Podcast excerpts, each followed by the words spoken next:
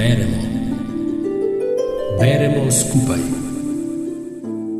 Knjižničarke priporočajo. Tokrat se bomo družili s Svetlano Aleksijevič, belorusko pisateljico in raziskovalno novinarko, ki je leta 2015 za svoj ustvarjalni opus prejela Nobelovo nagrado za književnost. Že zelo zgodaj so jo pritegnile pripovedi običajnih ljudi in njihov pogled na prelomne trenutke zgodovine.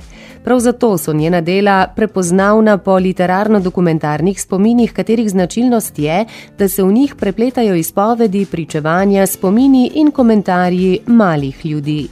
Njeni junaki so prvoosebni pričevalci.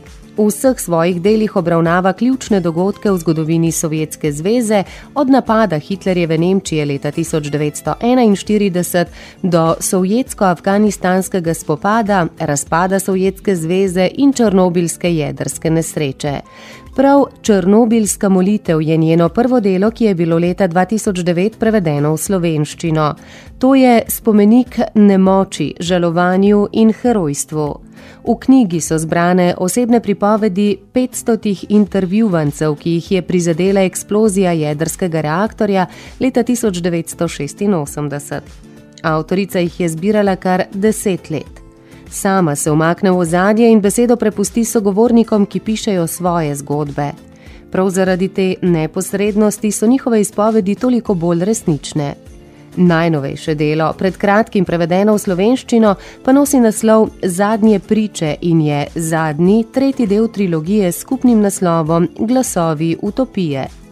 Čeprav obravnava obdobje druge svetovne vojne, pisateljica pravi, da ne piše o vojni, temveč o človeku v vojni, njegovo čustveno doživljanje posameznih dogodkov. Vsi pripovedovalci so bili v času začetka vojne stari od 3 do 14 let.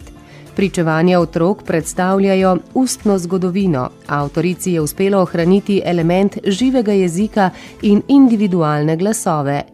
Spominjanje na otroštvo je zelo doživljajsko, opisovanje začetka vojne pa prav magično. Usode otrok so zelo različne, predvsem tragične, kajti pogosto so priče požigom celih vasi izgubi staršev. V knjigi je zbranih res veliko različnih zgodb, njihovi akteri imajo sorodne spomine.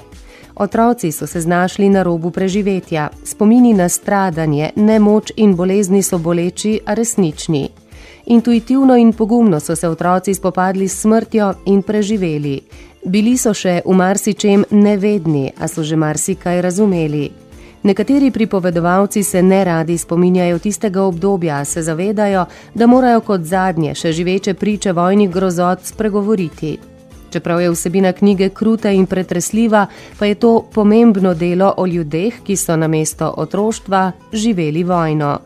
Nekoč si je veliki Dostojevski zastavil vprašanje, ali bomo lahko upravičili naš svet, našo srečo in celo večno harmonijo, če bo v imenu tega, da bodo temeli trdni, prelita pa če tudi ena sama solzica nedolžnega otroka. In je sam odgovoril: Te solzice ne odtehta noben napredek, nobena revolucija, nobena vojna vedno bo pretehtala ena sama solzica.